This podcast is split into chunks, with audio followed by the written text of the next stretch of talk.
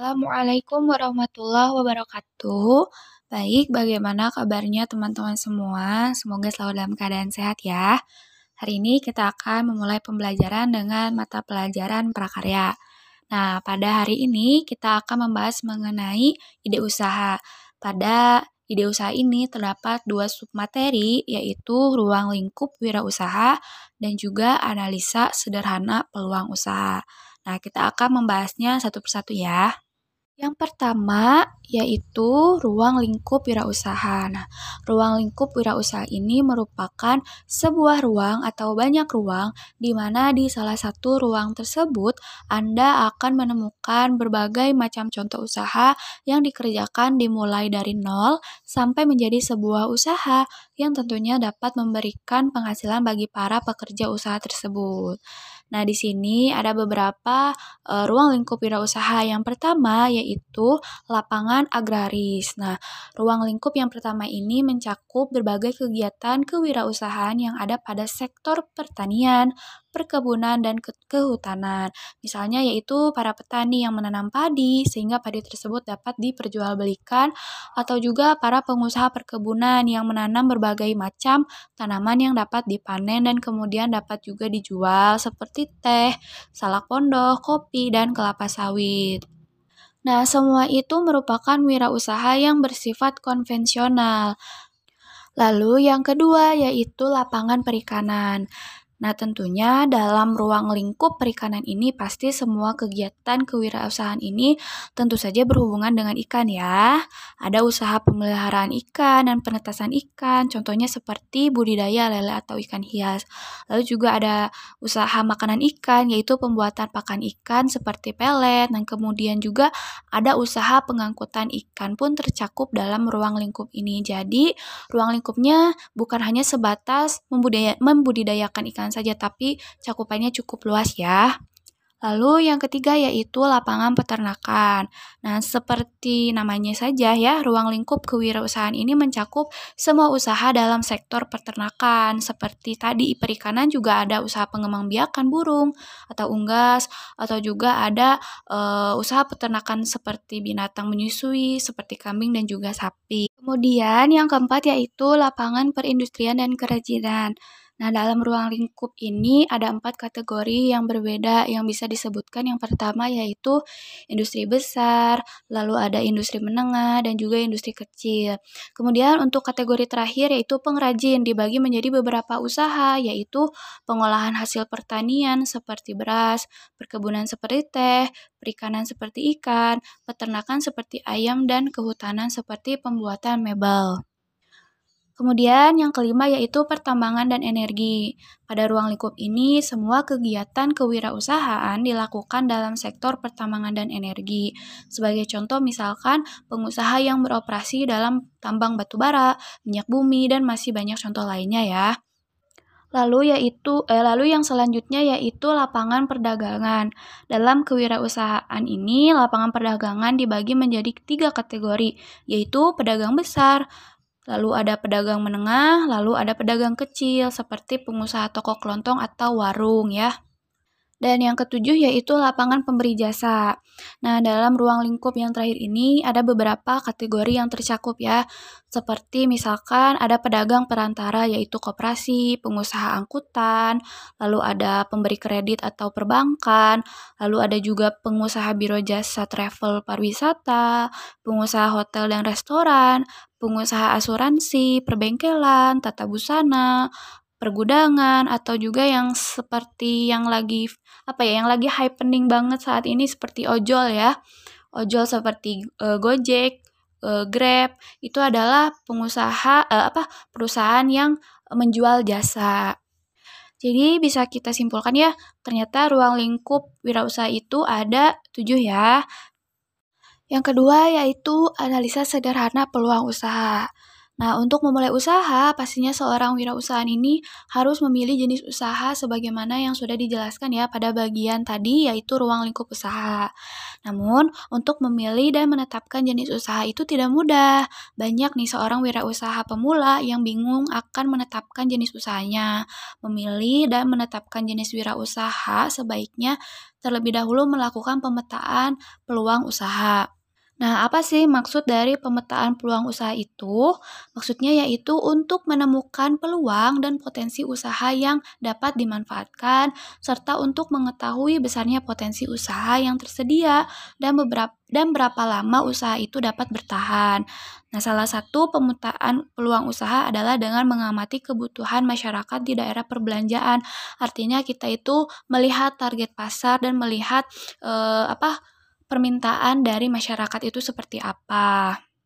Nah, hal itu dapat dikembangkan jika usaha yang hendak dikembangkan bersifat lokal atau setempat. Nah, kebutuhan masyarakat apa yang dirasakan mendesak dan banyak yang membutuhkan. Namun, di sisi lain belum banyak yang menggarap atau yang membuka usaha tersebut gitu ya. Lalu, jika pun ada yang menggarap tapi peluang usaha itu belum jenuh dan mampu menciptakan layanan yang inovatif. Jadi, maksudnya itu ya kita tadi melihat peluang atau melihat pasar nih targetnya ke siapa, apakah itu ke orang tua, ke anak kecil atau ke milenial. Nah, itu kita bisa lihat dari tadi pemetaan peluang usaha tersebut. Jadi kita harus bisa menargetkan pasar kita akan kepada siapa gitu ya.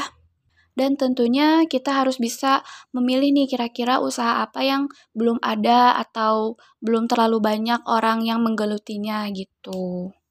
Kemudian yaitu pemetaan potensi usaha dapat didasarkan pada sektor unggulan dari daerah.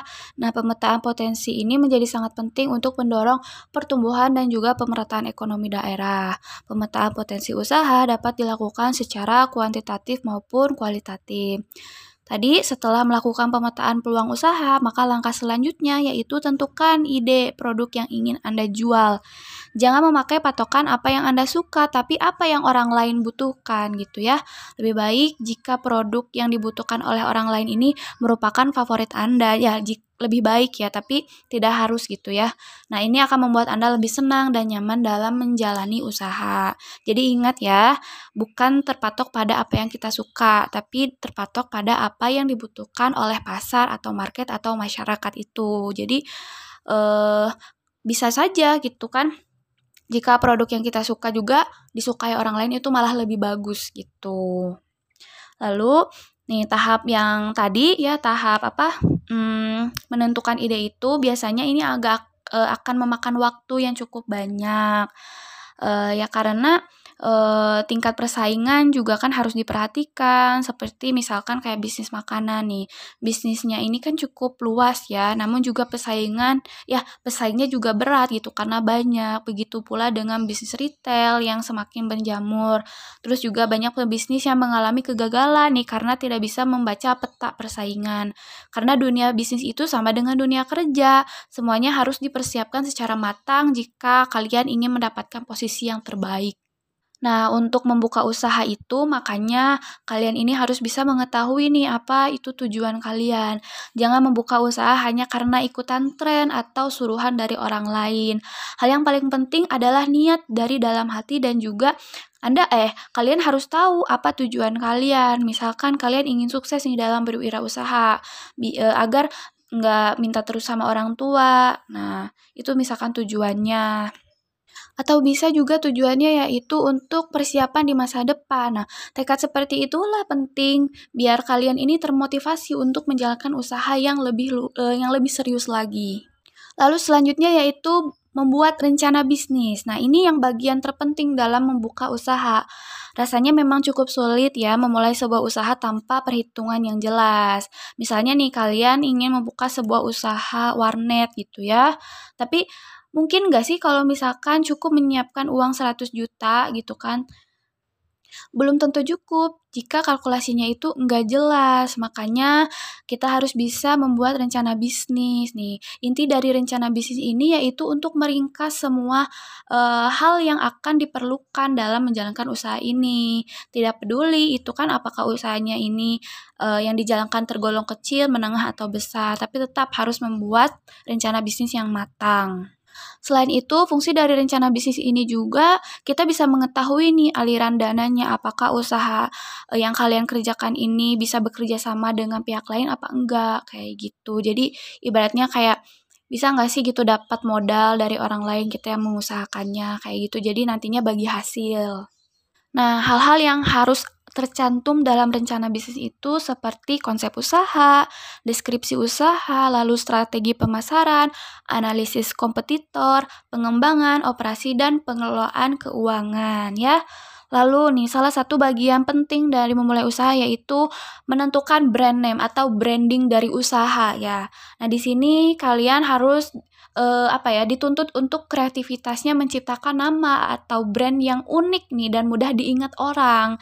Uh, kalian boleh aja nih memakai brand dengan misalkan kayak apa ya, ya brand kalian yang inginkan gitu, yang memang menciri ha, uh, mencirikan khasnya kalian sehingga apa?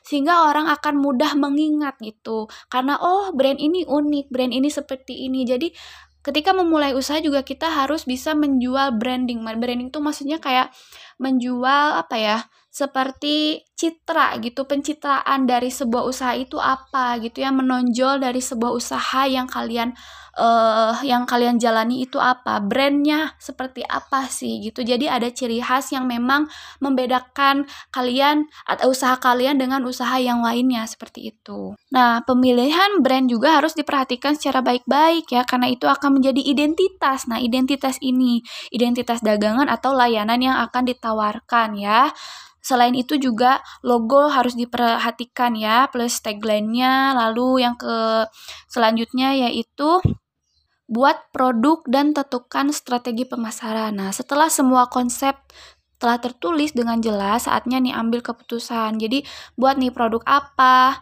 yang akan dijadikan apa ya, yang akan dijual gitu kepada e, masyarakat, kepada ya kepada konsumen gitu buat terus strateginya seperti apa supaya produk yang dikeluarkan, produk yang dijual itu memenuhi target dari e, pemasaran. Oke, mungkin cukup sekian dari saya. Mohon maaf ya jika banyak kekurangan dan kesalahan. Terima kasih sudah mendengarkan podcast ini. Wassalamualaikum warahmatullahi wabarakatuh. Untuk tugasnya nanti saya akan infokan kembali di grup ya.